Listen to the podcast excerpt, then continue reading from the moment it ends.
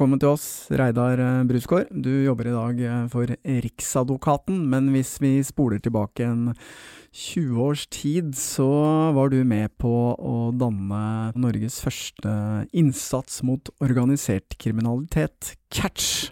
Og jeg vil, før du slipper til, så må jeg bare komme med en liten digresjon, for jeg, jeg fulgte jo det litt tett på den tiden, fordi jeg syntes det var litt spennende, og den første krimboka mi blei jo faktisk hetende Catch, og det var jo litt inspirert av det prosjektet, da. Men det, før Catch-prosjektet, fantes det ikke organisert eh, kriminalitet i Norge da, eller? Du, eh, hvis vi ser litt på de offisielle dokumentene og ettergår de litt, så, så vi fall, eh, kan vi i hvert fall se spor av at helt fram til 1997 så, så var det nok en skepsis i justissektoren mot at dette med organisert kriminalitet egentlig var noe, noe som fantes i Norge. Og det som da er eh, egentlig grunn til refleksjon, det er jo at bare noen få år etterpå, eh, midt på ja, i hvert, hvert fall 2006, så ser vi at eh, f.eks. Politidirektoratet i sitt disponeringsskriv, som da er det skrivet som politimesteren får hvert år, der står det at organisert kriminalitet er en trussel mot demokratiet. Så altså i løpet av bare ni år, 1997 til 2006, så har man altså gått fra å være skeptiske til at vi har organisert kriminalitet i Norge, til å si at det er en trussel mot demokratiet vårt. Og det, det, tenker jeg er grunn til refleksjon. Enten så har man jo hatt dårlige analyser i 1997, eller så overdriver man i 2006. Eller så har det jo skjedd noe uh, i, i løpet av veldig få år. Ja, på 90-tallet så vi hadde jo A-gjengen og B-gjengen og Young Guns og Tveita-miljøet og alt det som foregikk. Det var ikke organisert kriminalitet, da, ifølge offentlige myndigheter? Eh, jeg, jeg, tror at uh, med, med, ut fra dagens uh, terminologi og, og, dagens rettslige termer, så ville man sagt at det er organisert kriminalitet. Uh, men du kan si det nye, da. det som endrer seg, er jo at nå utover 2000-tallet så er det jo ikke lenger bare miljøer og personer som er bosatt i Norge. Det, der, det kommer folk fra andre land, andre deler av Europa. Eh, vi får internett, vi får en globalisering. Og jeg tror at eh, på mange måter så er det mye av dette som treffer oss egentlig sånn rundt årtusenskiftet. Og det er jo akkurat i denne perioden catch blir unnfanget. Så dette er, eh, vil jeg si, en slags brytningstid. En, en globalisering, men var det òg en forverring? Var det det man så? Man visste at ja, man har disse gjengene som går rundt her, men det er ikke et så stort problem. Men hva var liksom en konkret eh, sånn utslagsgivende greie for at catch kom i gang?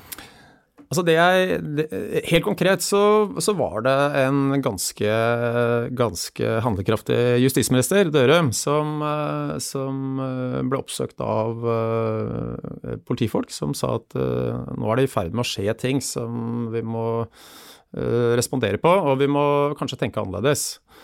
Og, han uh, fikk jo da, i løpet av veldig kort tid, eh, bevilget uh, penger til å opprette en innsatsgruppe, eller rett etter dette Catch-prosjektet. da. Så uh, uten egentlig veldig mye sånne dikkedarer og uten lange utredninger, så bare bestemte han at dette må vi gjøre. Og Politidirektoratet, som da nettopp var opprettet, de fikk bare beskjed om at dette måtte de fikse. Da er vi altså i 2001.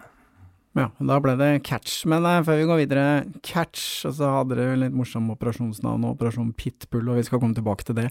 Men var det du som kom på disse navnene, eller? Nei, men uh, politiet har alltid vært uh, gode på sånne navn. Jeg har ikke fantasi nok, jeg, men jeg syns jo Pitbull er Men har dere en egen avdeling som sitter her? Kanskje ikke en avdeling, men det er kreative sjeler i hvert fall, som sitter og har det litt gøy sånn på morgen- eller kveldsskiftet. Ok, Catch ble opprettet. Du eh, ble, ble beordret, eller meldte du deg frivillig, eller hvordan var det? Du, eh, her var det snakk om å vise interesse. Så, så uh, i løpet av kort tid så, så, ble det da pekt ut en prosjektleder, som da hadde det administrative ansvaret. Og så skulle man ha to team, og jeg ble da en av disse to teamlederne. Og det, det var absolutt noe jeg viste interesse for, da. Mm. så da Eh, og det som var litt spesielt med, med disse teamene, det var at uh, som teamleder så var jeg både påtaleansvarlig og politiansvarlig. Eh, så jeg hadde egentlig alle hatter på hodet, og, og det kan jeg godt reflektere litt over etterpå. Men, eh, men det er klart at det, det gir, jo, gir jo Du blir veldig operativ da, i en sånn, sånn, situasjon. Vi hadde disse to teamene, og så hadde vi en uh, utestyrke bestående av spanere og andre. Så totalt sett så var vi 35 stykker. Ok. Men det når man skal da hva skal jeg si for noe, opprette et sånt prosjekt. Man skal kastes over en ny type kriminalitet, da, i hvert fall sånn sett i norsk målestokk. Eh, hvor starter man? Ja, det lurte jo vi litt på også, fordi vi sto jo der med blanke ark. Eh, og eh, Arne Huse, som den gangen var Kripos-sjef, han ønsket å få dette Catch-prosjektet inn i sine lokaler. For jeg tror han egentlig så for seg at dette eh, på sikt, når prosjektet var over, kanskje kunne bli en varig eh, styrking av Kripos. Og sånn ble det. Eh, men organisatorisk så lå vi under Politidirektoratet. Så det var de som var våre kall det foresatte. Og, og politimesteren i Oslo i dag, Beate Gangås, var vår sjef. Men eh, det er klart, starter du et sånt prosjekt altså I dag så har jo politiet biler, de har uh, uniformer, de har uh, datamaskiner, skrivebord og sånn. Vi hadde ingenting. Så, så, her var det egentlig å stille opp uh, høsten 2001 på, hos Kripos, og der der var egentlig bare begynne litt sånn i det små. Så det er klart, de første par månedene ble det veldig mye fiksing og rigging. Og det tok litt tid før vi kom ordentlig i gang.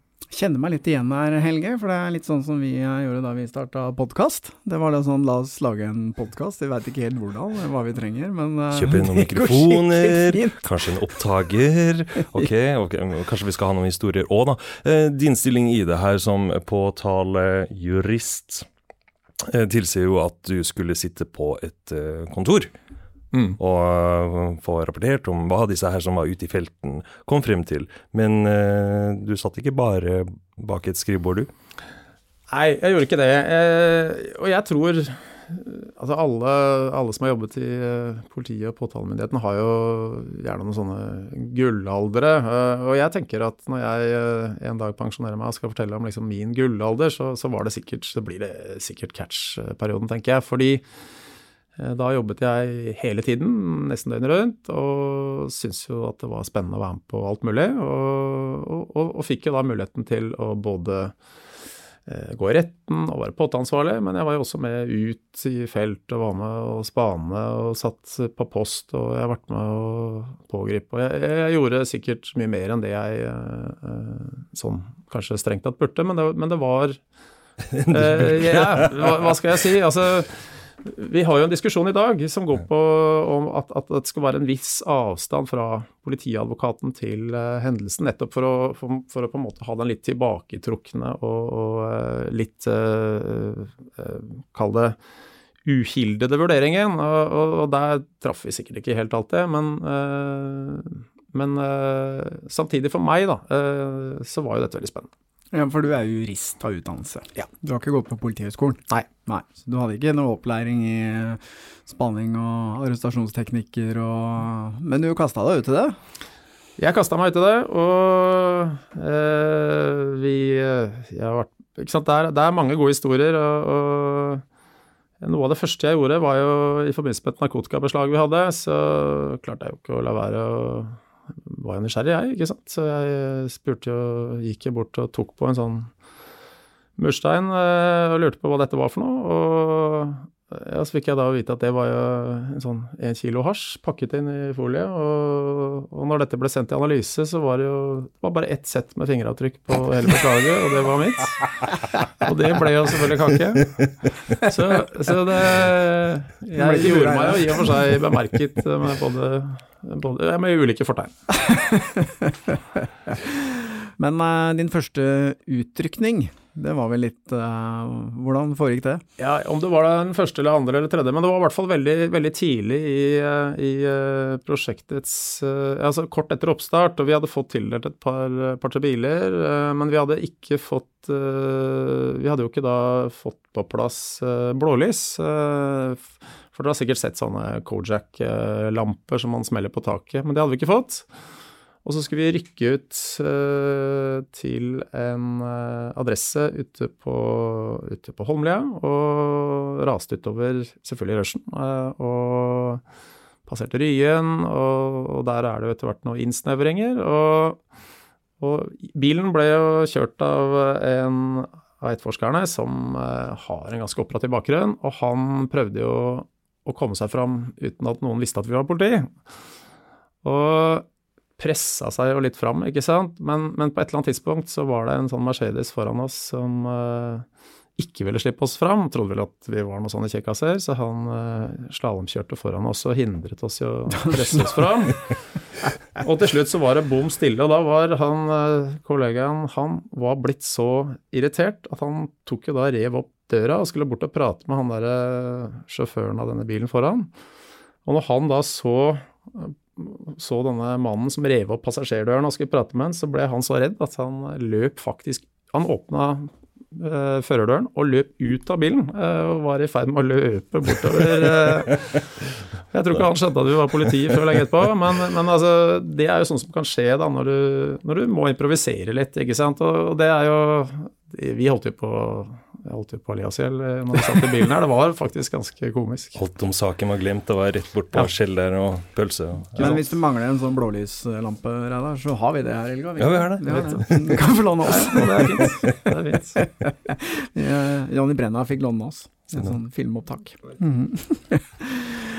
Første store casen deres eh, var jo uh, spritsmugling. Jeg tenker at de aller fleste tenker at spritsmugling er jo ikke så alvorlig. Litt skatte- og avgiftsunndragelse, men dette var en ganske stor uh, alvorlig sak, var det ikke det? Jo, um, det kan, være, kan, jo være greit å kjenne konteksten litt. fordi på, på midten av 90-tallet så, så, var det eh, i Norge uh, et illegalt spritmarked, uh, men det var stort sett lokale hjemmebrentaktører som omsatte. og Eh, som ble håndtert egentlig av politiet lokalt. Eh, men rundt 98 så skjer det noe. Eh, og det som skjer er jo at plutselig så er det ikke dårlig hjemmebrent, men det er altså god teknisk sprit, altså kvalitetssprit, som plutselig flommer over på markedet. Og de fleste av politidistriktene er berørt. så det, er, det tyder jo da på en stor omsetning. og Norsk politi eh, forsto jo ganske tidlig at dette ikke ble produsert eller hadde sitt opphav i Norge, men i Sør-Europa. Og problemet er jo at eh, det stort sett er i Norge, og kanskje Sverige, hvor, hvor dette på en måte anses som i hvert fall en eh, litt mer alvorlig type kriminalitet. Eh, og hvordan får du et land som syns at sprit er uh, egentlig knapt nok straffbart, til å prioritere det? Det som skjedde eh, helt konkret, var at eh, Norge hadde akkurat på dette tidspunktet sluttet seg til eh, noe som heter Eurojust. Og Eurojust er et samarbeidsorgan i EU, litt på linje med Europol. Men, men altså et påtalesamarbeidsorgan. Og de sakene som fremmes for Eurojust, de skal få prioritet. Så alle landene har på en måte forpliktet seg til å prioritere de sakene som fremmes. Og for at ikke det skal flomme over av saker, så, så, hadde, eh, så skal alle, alle, disse sakene via Riksadvokaten.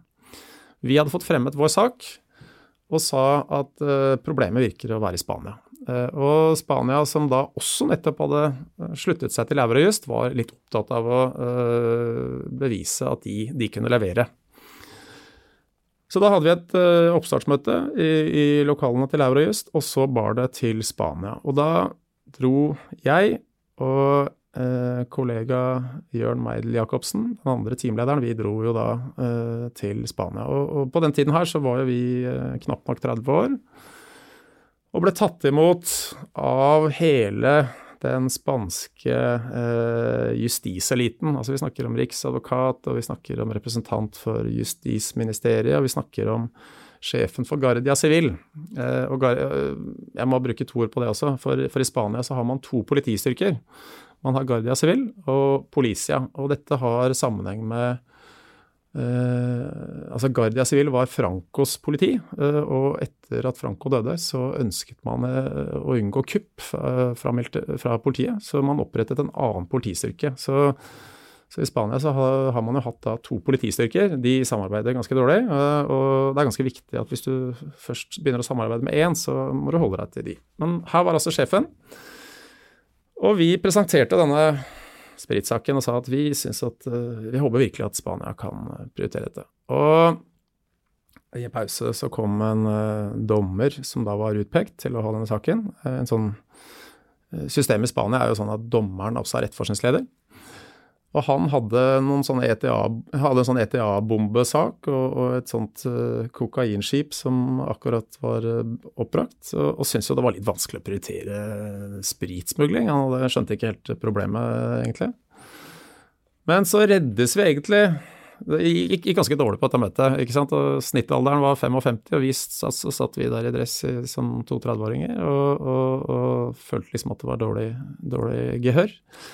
Men så, så um, reddes vi litt av at uh, denne uh, representanten for justisministeren han sier at dette skal Spania fikse. Kan Guardia Civil fikse dette? Det var liksom en utfordring over bordet til han der sjefen i Guardia Civil. Og han følte vel uh, at da hadde han ikke noe annet svar enn å si selvsagt, dette fikser Guardia Civil. Ikke sant? Her sto det ære og heder og berømmelse på spill. Så tok han bare en telefon og fant fram et telefonnummer, og så sa han noe på spansk. Bang! Litt sånn, eh, sånn som han derre Jeg fikk litt sånn assosiasjoner til Flåklypa, han der gorillaen der, ikke sant. Det, her var det klar beskjed at her var det noe som skulle gjøres. Og det, det vi fikk vite etterpå, var at han da hadde ringt kommandanten i Malaga eh, og bare gitt beskjed om at dette må du bare fikse. Så dro, dro, vi videre til Malaga, ble hentet, eskortert, og, og, dermed så var denne saken i gang. Um, og nå har vi kommet til sommeren 2002, og, og gjennom sommeren så, uh, så, gjennomfører da denne politienheten i Spania de gjennomfører da uh, en etterforskning hvor de kartlegger i grunnen alle sider ved denne spritsaken. Hvor, hvor var den spriten kom ifra? Jo, altså det, det, det denne etterforskningen avdekket, det var at uh, det, hadde, det, var en, uh, en, nordmann og en polakk som hadde bosatt seg på, nede på solkysten, og som hadde funnet ut at i Spania så produseres det masse legal sprit. Altså vanlig, Det er spritfabrikker som, som produserer sprit for uh, både innland og utland der nede. Men de eh, har lov å rapportere et visst svinn. Eh, og dette hadde disse to luringene funnet ut at de kunne kjøpe opp. Så de kjøpte opp legalt svinn, eh, og så transporterte de det til Norge. Så det, det, som kom til Norge, det var jo da god teknisk produsert sprit som holdt samme kvalitet som det du får på polet. Og jeg var jo selv med ut på, på, spaning der, og så jo da hvordan 26 paller med sprit eh, Hver pall hadde bestod av 960 liter. Ja, For det, det kom, kom, ikke inn flasker da med etikett fra fabrikken? Det var plasttønner eh, som da var uh, Altså akkurat hvordan, hvordan, selve den tappingen skjedde, det vet jeg ikke, men det var iallfall, det var i hvert fall ca. 25 000 liter eh, teknisk god sprit som, med dekklast, som da ble putta på en lastebil og kjørt til eh, Norge. Vi fulgte jo et par av disse lastene til Norge, hvor de ble tatt. Så, så, vi hadde liksom hele ruta. Ja, Fysisk dere lå bak? Ja, vi bare vi, vi, det som, Her ble det jo gjennomført telefonavlytting, så, så, vi satt jo egentlig på fasiten, visste jo akkurat uh, hvor lasten skulle og kunne informere tollvesenet osv. Så, videre. så den sommeren så ble det gjort uh, mye beslag av sprit. Uh, det var vel sikkert all time high, tenker jeg. Fordi vi som sagt visste når og hvor det kom. Så fant vi også, vi fant jo også kvitteringer som viste at én slik last ble solgt for en 6,5 eh, millioner kroner. Eh, eller det ga 6,5 millioner kroner til disse to i Spania. Og så hadde de utgifter på ca. tre. Så, så, de to gutta de satt jo da igjen med en fortjeneste på 3,5 millioner kroner. Uh, og hvis du klarer å få en sånn uh, lastebil oppover uh, sånn bortimot en gang i uken, så blir det penger av det. Vi får penger av det. Hvor stort var dette nettverket da? Altså, de, disse, disse, var satt i øverst i hierarkiet. Eh, og så hadde de jo da lokale aktører i Norden som kjøpte Og det var vel sikkert billigere eh, å, å overta lasten i Sverige enn i Norge. Da, ikke sant? Jo, jo lenger sør du overtok lasten, jo billigere fikk du det. Det hadde jo med risiko å gjøre, tenker jeg. Men altså en del av de eh, personene vi har hørt om i, i eh, media i, i um, Norge, de var jo da kjøpere av disse to i Spania. Ja, for Hvordan ble den spriten omsatt her i Norge da? Nei, Da, da, da, da kunne man kjøpe 1000 liter. Kom det en lokal varebil og hentet 1000 liter, og så man da, kunne man kjøre til uh? Kunne man være en distributør i Vestfold eller i Rogaland eller hvor som helst. Selge 96. Ja, til, og noe gikk til forretninger, og noe gikk til enkelt, altså utelivet, da, og noe gikk til enkeltpersoner. Hvordan var det samarbeidet med spansk politi, egentlig? da? For det var jo, Du nevnte telefonavlytting. Ble det foretatt i Spania? Ja. ja. Altså, dette ble jo egentlig en uh, vi, vi, sendte jo en uh, formell forespørsel til spanske myndigheter og sa kan dere hjelpe oss. Uh, og, så, og, så, sa spanske myndigheter, etter å etter at som sagt dette var fremlagt, at ja, det kan vi. vi. vi. kan finne ut av dette. Og så gjennomførte de en etterforskning denne sommeren. Og så aksjonerte de da i august. I den etterforskningen august 2002. Og denne, gjennom denne sommeren så var det telefonavlytting og spaning, altså man er ute i felt og følger, følger på. Så oppstår jo det da at eh, i Norge på denne tiden så hadde vi ikke lov til å drive med telefonavlytting i spritsaker. Og um, det ble en eh, det ble jo da en juridisk batalje, fordi når denne nordmannen som da vi mente var hovedmannen, ble utlevert i Norge, så sa jo han det der er et ulovlig bevis. Dere kan ikke avlytte uh, i spritsaker, så dere kan ikke bruke de bevisene dere har mot oss. Og de fleste av bevisene lå jo nettopp i telefonavlyttingen.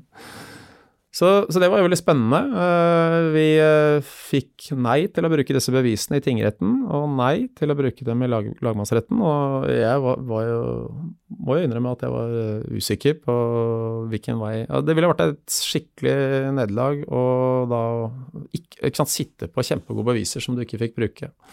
Men så sa Høyesterett, og det kom et par dager før julaften 2002, eh, at jo, det kan dere.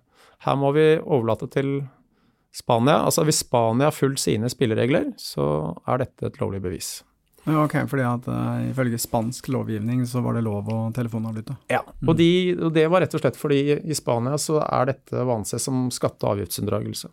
Okay. Så de hadde lov til å gjøre det selv, og, og, da sier vi at vi må respektere et annet europeisk lands regler. Mm.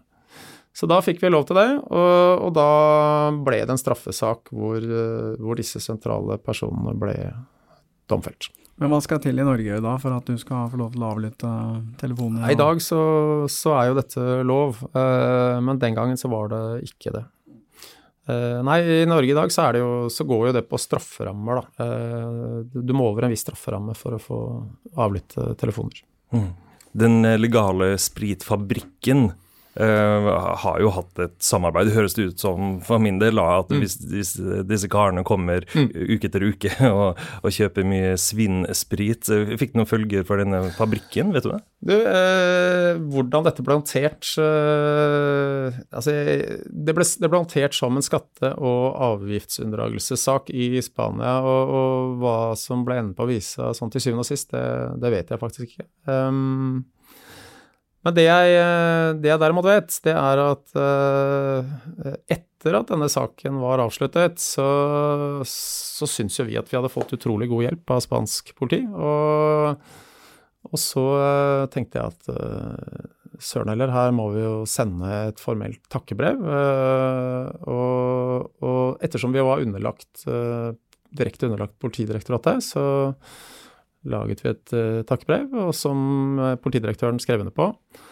Og det ble jo da sendt både til uh, Guardia Civil og til uh, det spanske justisministeriet. Og det jeg ikke var klar over, men som jeg skjønte etterpå, det var jo at det, dette betyr ganske mye i Spania. Så det ble forfremmelse på flere av disse gutta. Så de uh, hadde, jo, hadde jo gleden av å treffe en av disse et par år etterpå, og det var jo Jeg tror nesten jeg kunne bedt om hva som helst. Altså, han eh, var kjempehappy. Eh, så, så, vi fikk en veldig god relasjon da, til, disse, til, denne enheten. Mm.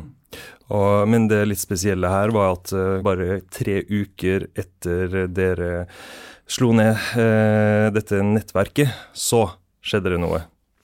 Ja, eh, det som skjer, ikke sant, det er jo at dette er jo leverandørleddet. Det er disse som sitter øverst i pyramiden. Og når, og når disse blir slått ut, så oppstår jo et vakuum.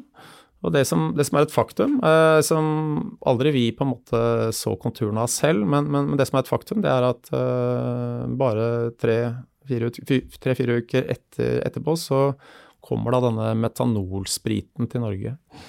Eh, egentlig ganske tragisk, eh, for her hadde man da gått fra holdt jeg på å si, illegal uh, innførsel av god sprit til illegal uh, innførsel av dårlig sprit. Og det fører jo da til dødsfall og personlige tragedier. Mm. Hva, hva, tenker du selv om, om det, da? Nei, jeg syns jo det selvfølgelig er uh, trist, men det var, det var, jo egentlig ikke Det var jo egentlig ikke noe vi kjente til eller, eller kunne på en måte ta, ta ansvar eh, for. Men, uh, men uh, altså jeg, jeg, vil i hvert fall si at for de som da mener liksom at dette er, ikke er alvorlig, da, så, så viser jo dette at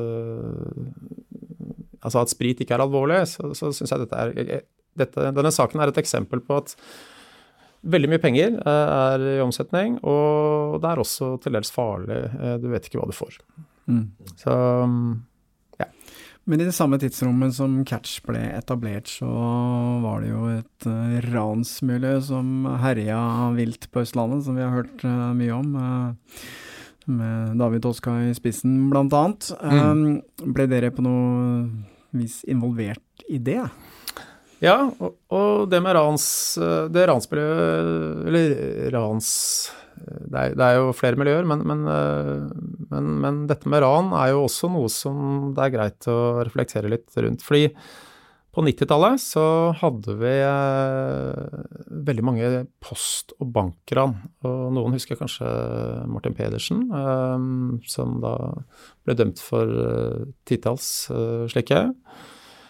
Men så begynner jo etter hvert både banker og postkontorer Dels uh, endres jo dette med betaling, og dels uh, sikrer man seg bedre. Uh, og så får vi en periode fra rundt 98 og fram til 2001-2002 hvor det plutselig blir mange mange anslag mot verditransporter. Det er det som på en måte er litt det store. Og vi hadde en periode Nå tar jeg det litt på husken, men jeg lurer på om det ikke var 14 14 slike anslag ja, som, som, ikke oppklares. Eh, ganske mye. Og vi hadde også et spektakulært eh, anslag på pengesentralen på Løren.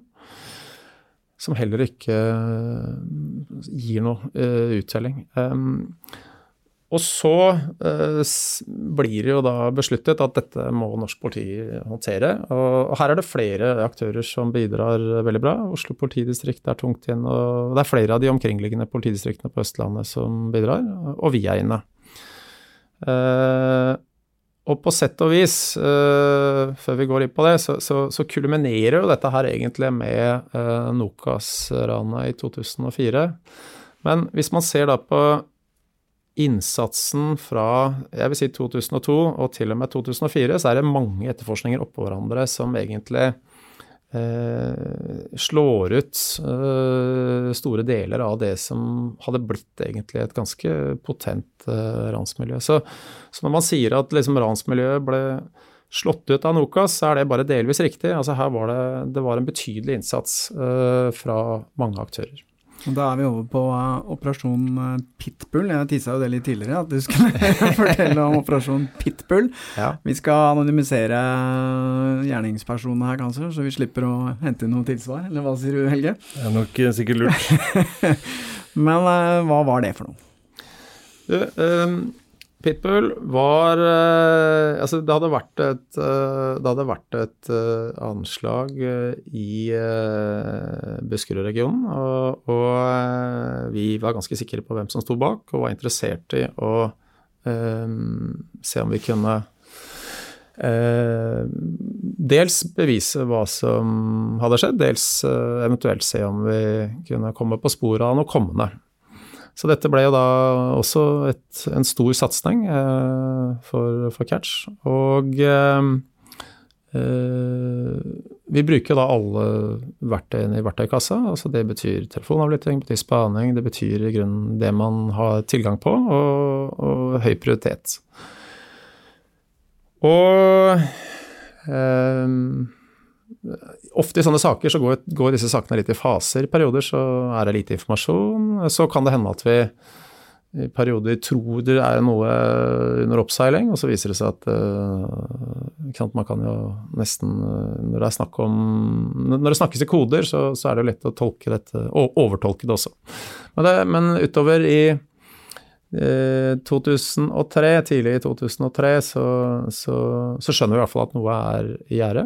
Eh, og um, gjennombruddet kommer når i mars 2003, hvor denne hovedpersonen blir observert i en bil i nærheten av en låve. Politiet gjør en del undersøkelser, og så, og så, finner vi ut at på en låve uh, utenfor Oslo så står det parkert en bil som vi er ganske sikre på er, skal brukes uh, i uh, et kommende ran. Og da går jo selvfølgelig alarmklokkene. Um, og her ble det ikke spart på noe. Det ble brukt veldig mye ressurser da, på å holde denne låven under oppsyn. Så vi bruker eh, Men, men ting tar tid. Eh, så eh, Og vi hadde til og med helikopter stående standby, så vi hadde liksom hele, hele pakka. Men plutselig, litt sånn ut av det blå, så en søndag, så dundrer denne bilen, omlakkert, en annen farve, ut fra låven, full fart. Og vi mister den. Litt sånn krise. Uh, og ikke bare mista han, men det var faktisk også sånn at uh, den videoen som da skulle filme alt som skjedde, den, der hadde batteriet løpt ut akkurat. Så, så vi liksom Det var liksom var en ganske dårlig start på den operative biten, og vi mister hele opplegget. Mm. Det her var en sånn klassisk ransbil Ransbil eh, som skal brukes i forbindelse med noe. En, en eh, Audi, var det ikke? Ja, ja RS2 heter den. Det var kanskje det det var. Ja, har jeg lest. da, ja, men da, da, husker du bedre enn jeg, meg. Lytteren får noen bilder. Dette er i hvert fall en veldig rask bil. og vi er ganske sikre på at det er et ran på trappene. Uh, det vi gjør, det er å bemanne en post som da ser ned mot huset til denne antatte hovedpersonen. Ja, Hvordan finner man en sånn post? Uh, dette var uh, huset til en uh, politiansatt, polititopp. og så hadde vi da spurt om å få sitte da og observere ned mot huset ja, til, så, til, denne antatte ransmannen. Så naboen da til ja, nabo, gården? Okay. Og så Uh, får vi da melding om at det er et ran i Drammen. Uh, og vi er ikke i posisjon til å, til å, avverge det. Og vi er heller ikke i posisjon til å pågripe denne bilen, som da forsvinner opp Lierbakkene og etter hvert blir hensatt. men det sentrale i saken er jo hva denne spaningsposten har sett. Fordi hovedpersonen, han som var på låven, han sier at han bare skulle hjelpe noen andre med en bil, og hadde blitt sluppet av og gått hjem og var hjemme liksom halv åtte på kvelden, altså lenge før ranet. Og kom tilbake til låven. Og der satt det fremdeles politifolk og observerte Politifolk hadde satt på låven, men, men, vi hadde altså også en, en uh, politispaner som så på huset til denne hovedpersonen. Og det er, dette, det er, denne observasjonen som ble veldig viktig i denne saken. Der det sitter altså en spaner og ser ned Når kommer folk hjem til dette huset? Ja. Denne, denne antatte hovedpersonen, han hevdet selv at han kom hjem rett etter at han hadde vært på låven vi mente at han hadde vært med på ranet. Uh, og hele poenget er at uh, på kvelden, seinere på kvelden, sent på kvelden, så kommer det en sånn Gjennom skogholtet bak huset til denne hovedpersonen så kommer det en lommelykt gående inn i huset. Og Det tidspunktet passer veldig godt med at han har vært, vært med å gjennomføre ranet, blitt kjørt hjem, sluppet av og går igjen gjennom, gjennom skogholtet. Problemet i saken eh, var at eh, vi hadde lovet denne polititoppen eh, at vi ikke skulle avsløre at vi hadde spanningspost der. Eh, han var ikke så veldig keen på det. så happy at naboen ble Han Syntes det var litt ubehagelig å være nærmeste nabo til, eh, til ja. denne, denne ransmistenkte personen. Så vi prøver oss da på å, prøver å kjøre en sak uten å bruke dette beviset. Det gikk bra i tingretten, men vi tapte så det dundra i lagmannsretten. Og eh, faktisk så sa eh, førstelagmann, altså han som var sjefen i lagmannsretten, sjefsdommeren, han sa at han, så dårlig sak, altså bevismessig sak hadde han aldri sett før. Uh, og det her, dette var med jury og sånn, så han, her ble det frifinnelse. Men heldigvis, statsadvokaten som hadde den saken, hadde heldigvis, eh, var, var såpass observant at han fikk protokollert skrevet ned de uttalelsene. Og så anket vi over det og sa at dette er sånn urimelig påvirkning av juryen. Og så var Høyesterett enig i det. Sa at du kan, ikke, liksom, du, du, du, du kan ikke påvirke juryen så mye. Så de opphevet den saken. Altså du fikk en sjanse til? Så vi fikk en sjanse til. Uh, og nå var det liksom uh, Så skjønte vi at enten måtte vi jo da avsløre denne spaningsposten og liksom bryte det vi hadde lovet denne polititoppen, eller så måtte vi gi oss. Og det ble det jo masse spetakkel om. og jeg, jeg, ikke sant, Her kan man jo argumentere både for og mot, men det ble i hvert fall at vi eksponerte dette beviset. da. Ja. Og han eh, ble jo dømt, da. Ja. Uh, og det var masse skriverier med Politiets uh, Fellesforbund. Og, det, var, det, var, ulike syn, og det var mye følelser i dette. Det er jo som å avsløre en kilde. Ja. For det, det, må jo sitte veldig langt inne, for ja. dette kunne jo få store følger for de som bodde da på denne observasjonsposten. Ja, I hvert fall veldig mye ubehag, da. Ja, ikke sant? Så Riksadvokaten var inne, og jeg var jo på en måte litt sånn uh, ambassadør da for uh, Altså på den tiden så var det kanskje mer enn i dag en sånn ganske sånn Eh, kultur for hemmelighold på, på etterretningssiden i, i Oslo. Eh, og det er gode argumenter for det. Eh, men iallfall så var det her to ulike hensyn som klinka sammen, og man måtte ta et valg. Og det så vidt jeg vet, så har det gått veldig bra. Det har ikke vært noe i ettertid. Men, men, det var helt sikkert veldig ubehagelig for denne polititoppen. Men i og med at denne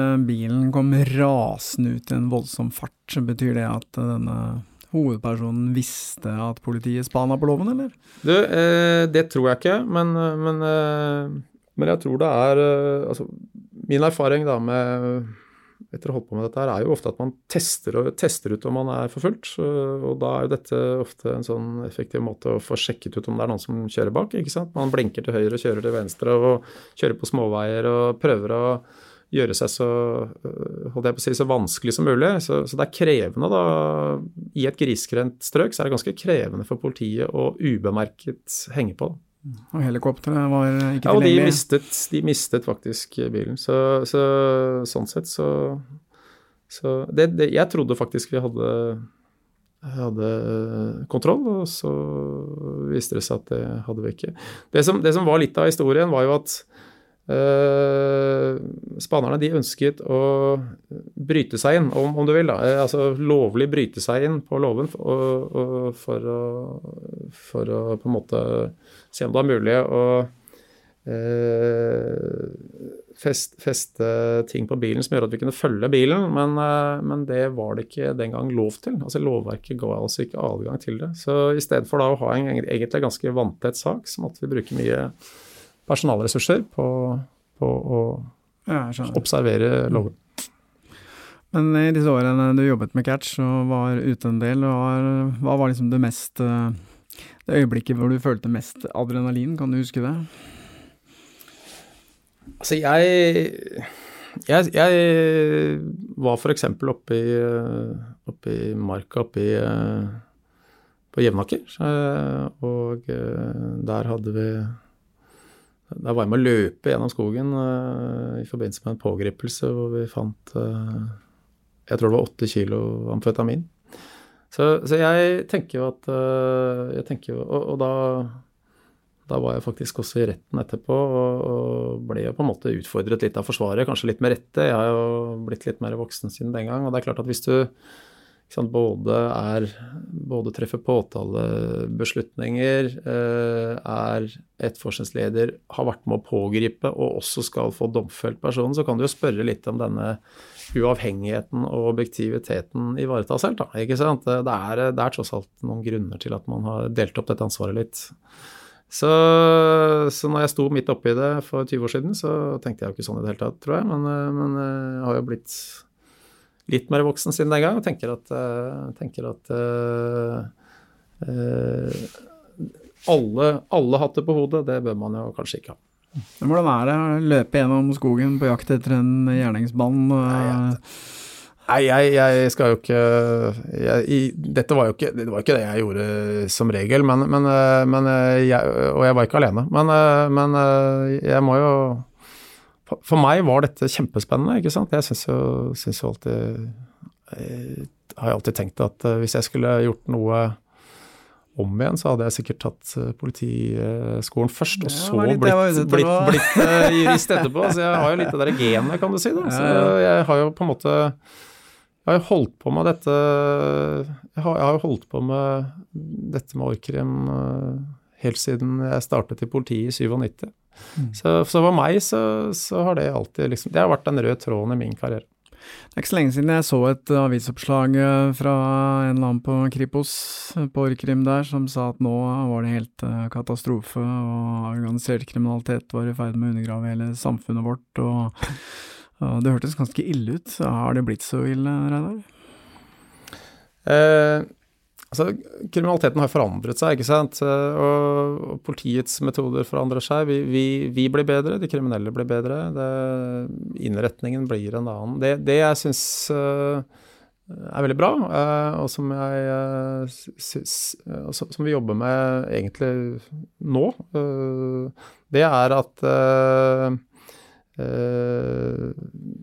med Kripos i spissen så, så kartlegger man uh, kriminelle nettverk og kriminelle aktører. Uh, og foretar nasjonale gode prioriteringer. Sånn at altså det, Innsatsen mot organisert kriminalitet handler ikke bare om hvor mange man uh, kan slå ut, eller hvor mange man kan jobbe med, men, men også om å jobbe med de rette personene og de rette nettverkene. Og der syns jeg politiet er blitt mye bedre. og vi er i ferd med å utvikle strukturer da, som gjør at, uh, at, man klarer å utnytte de eh, ressursene man har, bedre.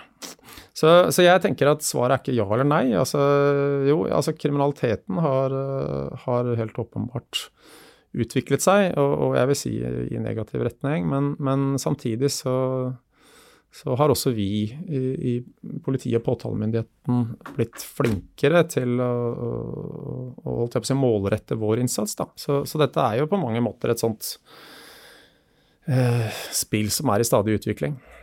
Eh, du har jo òg henvendt direkte til eh, deler av dette ranslaget. Ja, altså vi, vi, eh, vi, hadde et eh, Vi hadde en egentlig ganske spennende ranssak som handlet om verditransport, et, et verditransportran oppe på Lørenskog, eh, hvor flere personer var, var pågrepet. De satt bevæpnet og med finlandshette rett i nærheten av der hvor en verditransport skulle passere. Og de ble fengslet, satt ned i Oslo fengsel, eh, og, eh, og der Mens etterforskningen pågikk. Men så, så, fikk vi aldri Vi fikk aldri liksom den siste spikeren i kista.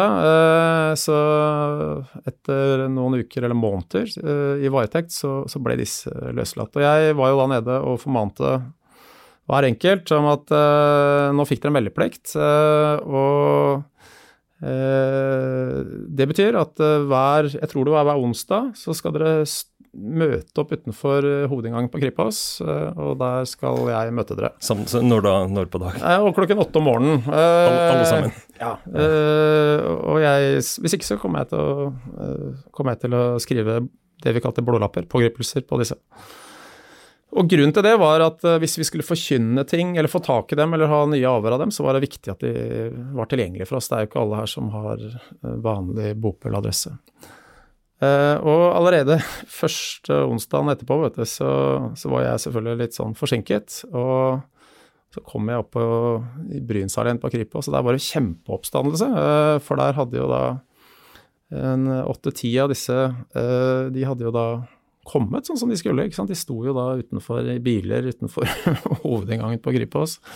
Og der var det jo noen som da hadde blitt kjempestressa av de ansatte, ikke sant, som hadde slått alarm fordi de trodde det var noe som var i ferd med et anslag eller noe sånt. Så, så plutselig så var det jo da politibiler fra Oslo som Og det var egentlig et kjempekaos ikke sant, som jeg hadde forårsaket, fordi jeg hadde jo ikke varslet og gjort egentlig det jeg skulle.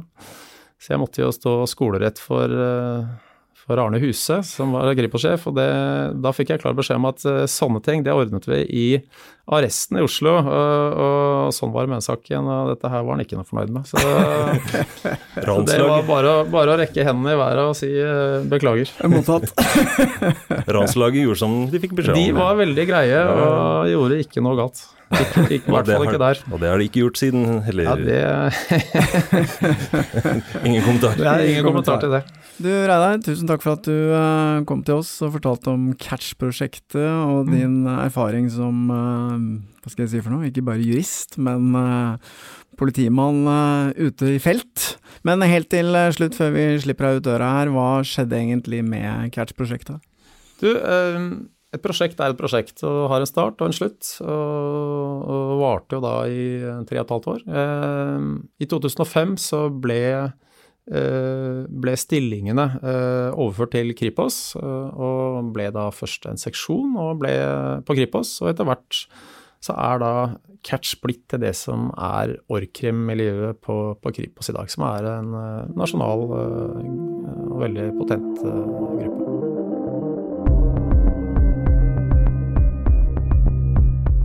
Avhørt er produsert av Batong Media. Redaksjonen består av Stein Morten Lier, Helge Molvær og Lars Christian Nygårdstrand. Temamusikken vår er laget av Altered States, og du finner oss på Facebook som Batong Media. Hør eksklusive episoder av Avhørt på Podme. Gå inn på podme.com, eller last ned appen Podme.